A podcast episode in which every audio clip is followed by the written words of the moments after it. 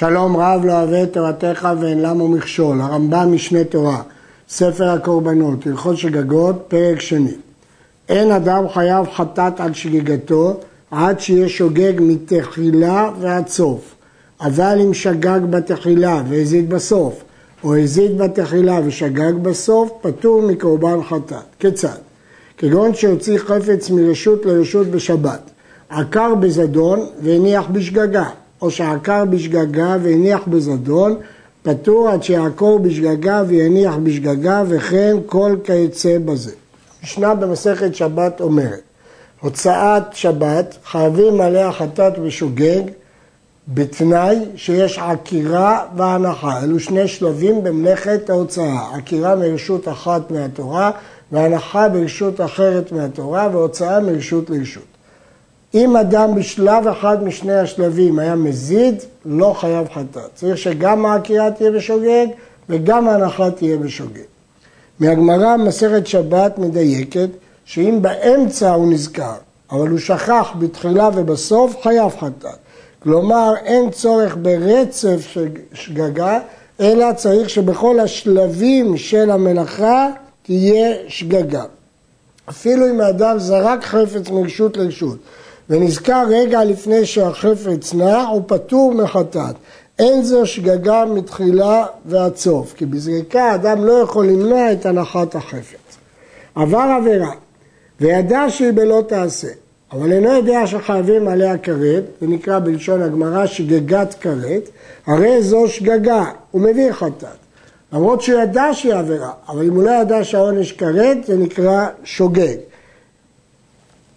אבל אם ידע שהיא בכרת ושגג בקורבן, ולא ידע אם חייבים עליה קורבן אם לאו, הרי זה מזיד.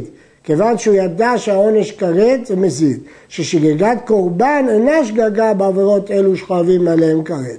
מה שקובע זה אם הוא ידע שיש כרת או לא ידע שיש כרת. שגגת הקורבן היא מחלוקת חכמים ובונבז בגמרא מסכת שבת, והלכה כחכמים ששגגת כרת איננה ששגיגת קורבן איננה נחשבת שגגה, אבל שגיגת כרת, הלכה כרבי יוחנן, שהיא נחשבת שגגה.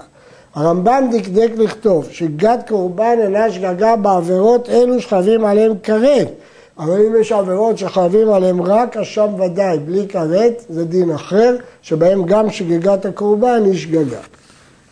מי שלא נודע לו עצמו של החטא שחטא, אף על פי שידע בוודאי שעבר הלא תעשה שיש בו כרת, הרי זה פטור מקורבן חטאת, שנאמר אשר חטא בה עד שידע החטא שחטא בו. לא מספיק שאדם יודע בוודאות שהוא עבר על עבירה שחייבים עליה כרת. הוא לא יכול להביא קורבן חטאת, אלא אם כן הוא יודע את החטא הספציפי שבו הוא עבר. כיצד? חלב ונותר לפניו. שני הדינים הללו הם בכרת. מי שאכל כזית חלב בכרת, ומי שאכל כזית נותר מן הקורבן הוא בכרת. ואכל את אחד מהם, אז ודאי שהוא חייב כרת. ואין ידוע איזה אכל, אבל הוא לא יודע אם הוא אכל את החלב או את הנותר. אשתו נידה ואחותו עמו בבית, שתיהן בכרת אם הוא יבוא עליהן. שגג ובא על אחת מהן ואין ידוע איזו מהן בעל. הוא יודע שהוא שגג בכרת, אבל הוא לא יודע מה החטא שהוא שגג בו.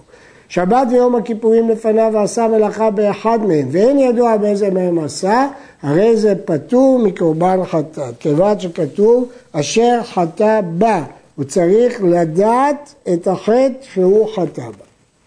חטא, ונודע לו חטאו, וחזר ושכחו, הרי זה מביא חטאת לשם משהו, ותאכל כשאר חטאות הנאכלות. זאת מחלוקת במשנה, כי אם אדם אה, לא נודע לו החטא, הלכה כרבי יהושע שפטור, אבל כשהוא נודע לו ואחר כך שכח, כותב התוספתא, כדברי הרמב"ם, שמביא חטאת לשם מה שהוא. הרעב"ד, יש לו גרסה אחרת בתוספתא, אבל זוהי דעת הרמב"ם. שגג בשם אחד מהם, והם שני גופים. חייב, כיצד? שתי נידות ושגג באחת מהן, ואין ידוע איזו היא. הוא יודע שזה נידה, אז הוא יודע את החטא הספציפי שהוא עבר. לא יודע אם עם לאה או עם רחל. שתי אחיותיו ושגג באחת מהן, ואין ידוע איזה הוא. יודע החטא שלו שאחותו, אבל לא יודע איזה אחות. הרי זה חייב חטאת, שידע עצמו של החטא. אין הבדל אם זאת רחל או לאה, בכל מקרה זו נידה או אחותו. למה זה דומה? לשתי נרות דולקות שקיבלה אחת מהן ואין ידוע איזו נרי, או לשני תמחויים של חלב שאכל מאחד מהם ואין ידוע מאיזה תמחוי אחד, שהוא חייב וכן כל כיוצא בזה. כל המחויב, חטאת קבועה על שגיגתו, קבועה כלומר לא קורבן עולה ויורד אלא חטאת, ועשה בשגגה, ונודע לו אחר שחטא, אף על פי שלא הייתה לו ידיעה בתחילה שזה חטא הרי זה חייב חטאת. כיצד? תינוק שנשבע לבין הגויים וגדל ואינו יודע מה הם ישראל ולא דתם, אף פעם הוא לא ידע בכלל שזה חטא, ועשה מלאכה בשבת ואכל חלב אדם וכיוצא בהם כשיוודע לו שהוא ישראלי ומצווה על כל אלו, חייב להביא חטאת על כל עבירה ועבירה, וכן כל ביוצא, כיוצא בזה. זאת מחלוקת המוראים במסכת שבת. אם אחד לא ידע אף פעם על קיומה של המצווה כגון תינוק שנשבע, הלכה נפסקה כרב ושמואל שגם מי שלא ידע מעולם חייב להביא חטאת.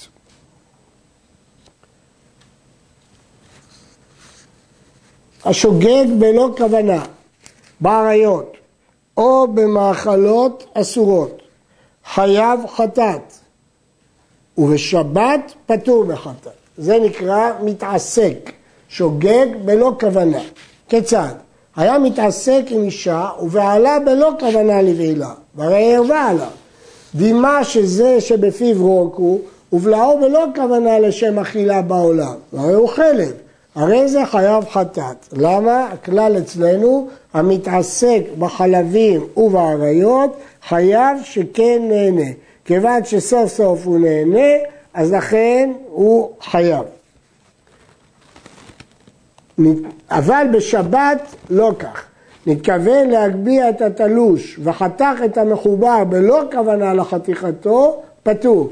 מלאכת מחשבת עשה תורה כמו שביארנו במקומו. בשבת הוא פטור מדין כיוון שזה לא מלאכת מחשבת, כיוון שהוא חשב להגביה את התלוש. לדעת האחרונים ולדעת הרמב"ם עצמו לקמן, אפילו היה מתכוון לחתוך את התלוש ותלש את המחובר, פטור, כי זה לא מלאכת מחשבת. לא רק הדוגמה הזאת להגביה את התלוש, רק שכאן הרמב"ם לא נכנס לדוגמה המדויקת, אלא להגדיר את המושג מתעסק. מתעסק, זאת אומרת, הוא לא התכוון כלל למלאכה, בשבת פטור, בחלבים והאריות חייב מפני שנהנה. צריך להבדיל בין הגוף לבין התודעה. לגבי הגוף, עצם העובדה שהגוף נהנה, זה אסור. אבל לגבי מלאכת שבת זה מלאכה על התודעה של האדם, שהוא בכלל לא ידע, זה לא מלאכת מחשבת כלל. כל העושה מצווה מן המצוות, ובכלל עשייתה נעשית עבירה שחייבים עליה כרת בשגגה. הרי זה פטור מקורבן חטאת מפני שעשה ברשות.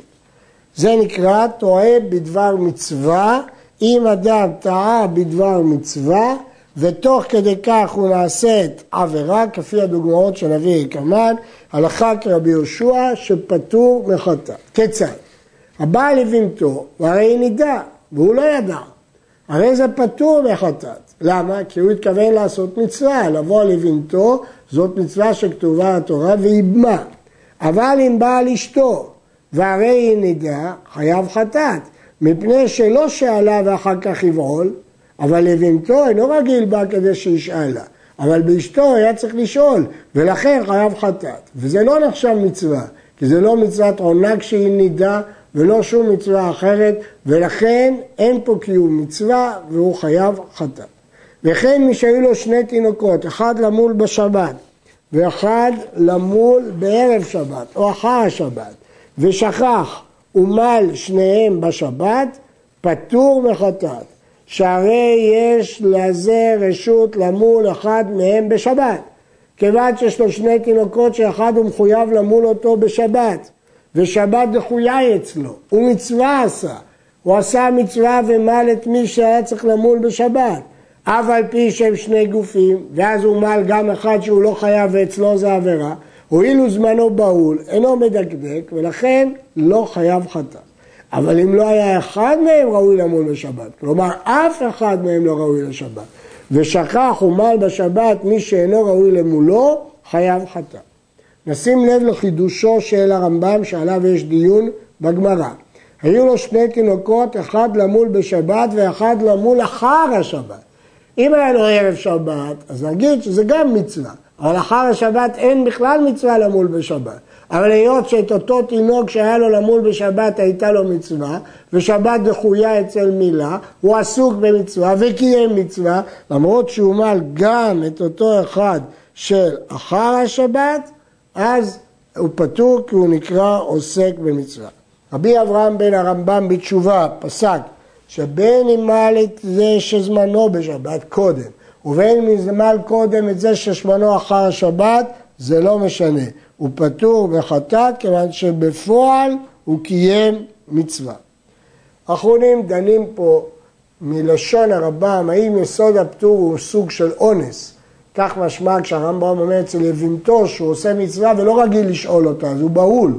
אותו דבר משמע מהרמב"ם שכיוון שהוא צריך למול בשבת הוא בהול ולחוץ ושבת דחויה אצלו, סוג של אונס. יש אומרים לא, שהפטור הוא לא סוג של אונס אלא מפני שעשה ברשות, כיוון שהוא עשה תוך כדי מצווה זה פטור מיוחד. הלכה ט' אומן, דהיינו מוהל, שבא למול לפנות היום ביום השבת. הוא הגיע מאוחר והוא מקיים את המילה ממש עם צאת השבת. ואמרו לו, לא נשאר פנאי ביום שתמול, ואם תתחיל למול לא תשלים עד יציאת השבת, ונמצאת חובל בשבת, שזאת מלאכה מן התורה. לא עושה מצווה. אמר, רגיל אני וזריז ובמהרה אמרו, למרות האזהרות שהזהירו אותו, הוא אומר, אני כן אספיק לפני צאת שבת. אם לא השלים אלא עם יציאת שבת, הרי זה חייב חטאת שהרי יתרו בו. לא נקרא עושה מצווה, כי הוא לא עשה ברשות, כי יתרו בו שהוא לא יספיק, וכיוון שיתרו בו שלא יספיק, לא ניתנה שבת להידחות אצלו, וכיוון שלא ניתנה שבת להידחות אצלו, הוא חייב חטאת. יש להעיר, הוא לא נחשב מזיד, אחרת הוא לא היה חייב חטאת, כי הוא חשב שהוא יספיק, הוא נחשב שוגג, אבל הוא לא נחשב אנוס. כי כיוון שהתרו בו ואמרו לו אתה לא מקיים מצווה, אתה מסתכן, אז הוא לא עשה ברשות. כיוון שהוא לא עשה ברשות, אז לכן אין לו את הפטור של העוסק במצווה. אבל עדיין הוא לא נחשב מזיד, כי הוא חשב שהוא כן יספיק, ולכן הוא חייב חטאת. המוציא את הלולב ביום טוב הראשון של חג שחל להיות בשבת כדי לצאת בו, והעבירו ארבע אמות ברשות הרבים בשוגג, פטור מחטאת. שהרי ברשות הוציא, למרות שהוא עשה מלאכה בשבת שיוצאה מרשות לרשות, אבל למה הוא עשה את המלאכה? כי הוא היה טרוד בקיום המצווה, כיוון שהוא היה טרוד בקיום המצווה ושכח והוציא, פטור. וכן השוחט את הפסח ביום 14 שלך להיות בשבת, ונודע לו אחר כן שמשכו הבעלים את ידיהם, או מתו, או נטמעו קודם שחיטה, או שנמצא טרפה בסתר, כגון עיכוב מעיים או ריאה, הרי זה פטור, פני ששחט ברשות. בשעה שהוא שחט, הוא היה מצווה לשחוט. עשה ברשות, למרות שאחר כך התברר שהוא עשה מלאכה. אז הוא פטור מחטאת. אבל אם נמצא בעלמות שהייתה טרפה גלויה, הרי זה חייב חטאת, ושהיה לו לבדוק ואחר כך לשחוט, וכן כל כיוצא בזה. אם כן, ברור בהלכות הללו שהאדם שפטור מדין עוסק במצווה זה רק כשהוא אנוס, כשאין לו מה לעשות, אבל פה היה לו לבדוק. יש להעיר שבשוחט את הפסח ואחר כך נמצא טרפה בסתר, הרמב"ם אמר שפטור כי הוא עסוק במצווה, למרות שבפועל הוא לא קיים מצווה. כי בפועל התברר שזה טרפה, אז הוא לא קיים מצוות שחיטת פסח. אבל כיוון שכשהוא שחט הוא לא ידע את זה והוא שחט ברשות, זה מספיק אצל הרמב"ם להיקרא עוסק במצווה שהוא פטור מחטאת. דהיינו, מה שאמרנו קודם במילה, לאו דווקא בגלל שבפועל הוא קיים בסוף את המצווה. רואים פה שלמרות שבפועל הוא לא קיים את המצווה, גם כן הוא נחשב כאנוס והוא פטור. שחט את הפסח בשבת שלא לשמו בטעות, פטור, מפני שהזבח כשר, שעקירת שמו בטעות אינה עקירה, כמו שבארנו בהלכות פסולי המוקדשים. אדם שחט פסח שלא לשם פסח זה פסול, אבל אם הוא עשה את זה בטעות, אז הוא פטור, כי הזבח כשר, כיוון שהזבח כשר הוא לא חילל שבת, כי הוא שחט פסח במועדו, במועדו הוא לא חילל שבת. שחט זבחים אחרים לשם פסח בטעות. אם הוא ייבם לקורבן פסח, פטור מקורבן חטאת, מפני ששחט ברשות. הוא תכנן לקיים מצוות שחיטת פסח, והוא חשב, ש... והזבחים האלה ראויים, הוא חשב שהוא שוחט פסח. ואם אינם ראויים, כגון שהייתה נקבה או בן שתיים, חייב חטאת, שהרי אינו ראוי למצוות פסח. אז לפי מרי קורקוס, הסיבה היא שהוא בכלל לא קיים את המצווה. לפי הפירושים האחרים, הסיבה כי הוא לא אנוס, היית צריך לדעת שזאת נקבה ולא לשחוט. וכן אם שגג ושחטו בשבת שלא לאוכליו, או שלא למנוייו, או לערלים, או לטמאים, כל אלה, הזבח פסול, חייב חטאת, כי היית יכול לברר את זה לפני השחיטה, ולכן אתה חייב על חובל בשבת. שחטו לאוכליו ושלא לאוכליו, למנוייו ושלא למנוייו, למולים ולערלים, לטמאים ולטהורים, פטור, שהרי הפסח כשר וכן כל כיוצא בזה. למדנו שכאשר יש גם מנויים וגם לא מנויים, גם ערלים וגם מולים, הפסח כשר. כיוון שהפסח כשר, אז אם הוא שחט בשבת, הוא לא עשה מלאכה בשבת. השוחט בשבת קורבנות ציבור שלא לשמן, הרי זה חייב חטאת, ויקטיר הימורים לערב. מדוע הוא חייב חטאת? מכיוון שהוא שחט בשבת דבר שלא לצורך, קורבן ציבור שלא לשמו. אבל את ההימורים הוא יקטיר במוצאי שבת. וכן אם שחט יתר על חובת היום, חובת היום מותר לשחוט בשבת, אבל הוא שחט יותר ממה שחייבים, אז הוא חילל שבת. כיוון שהוא חילל שבת, חייב חטאת על התוספת. יש להעיר שפה לא מחשיבים אותו כטועה בדבר מצווה. למרות שהוא עסוק בהקרבת קורבנות ציבור, כיוון שכבר קרבו הקורבנות שצריך, למה הוא מקריב קורבנות נוספים? זה כבר נקרא שוגג. שחט קורבנות יחיד שאין דוחין את השבת בשבת בשגגה, חייב חטאת. כיוון שהקורבן לא דוחה את השבת, חייב חטאת. והבשר מותר בהניה, ואין זורקים את הדם. ואם עבר וזרק דמן לשמן בין בשוגג בין במזיד, עלו לבעלים לשם חובה, ויקטיר אמורים לערב, והבשר יאכל, כי סוף סוף הקורבן הוקרב כרגיל, למרות שהוא עבר עבירה של שבת, ויביא השוחט חטאת על שגיגתו.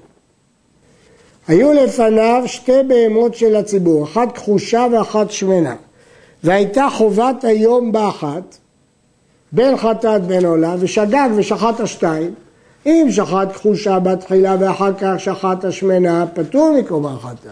כי הוא עכשיו רוצה לשחוט אחת יותר טובה, ולא עוד, אלא שאומרים לו אבל שמנה ושחוט לכתחילה.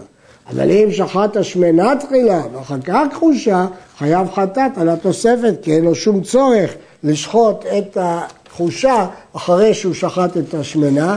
נמצא שהוא שחט בשבת דבר מיותר, כיוון שהוא שחט בשבת דבר מיותר, הוא חייב. נמצאת הראשונה השמנה, טרפה בבני מעיים, אף על פי שלא ידע שהיא טרפה בעת ששחט הכחושה, ולא לזה נתכוון.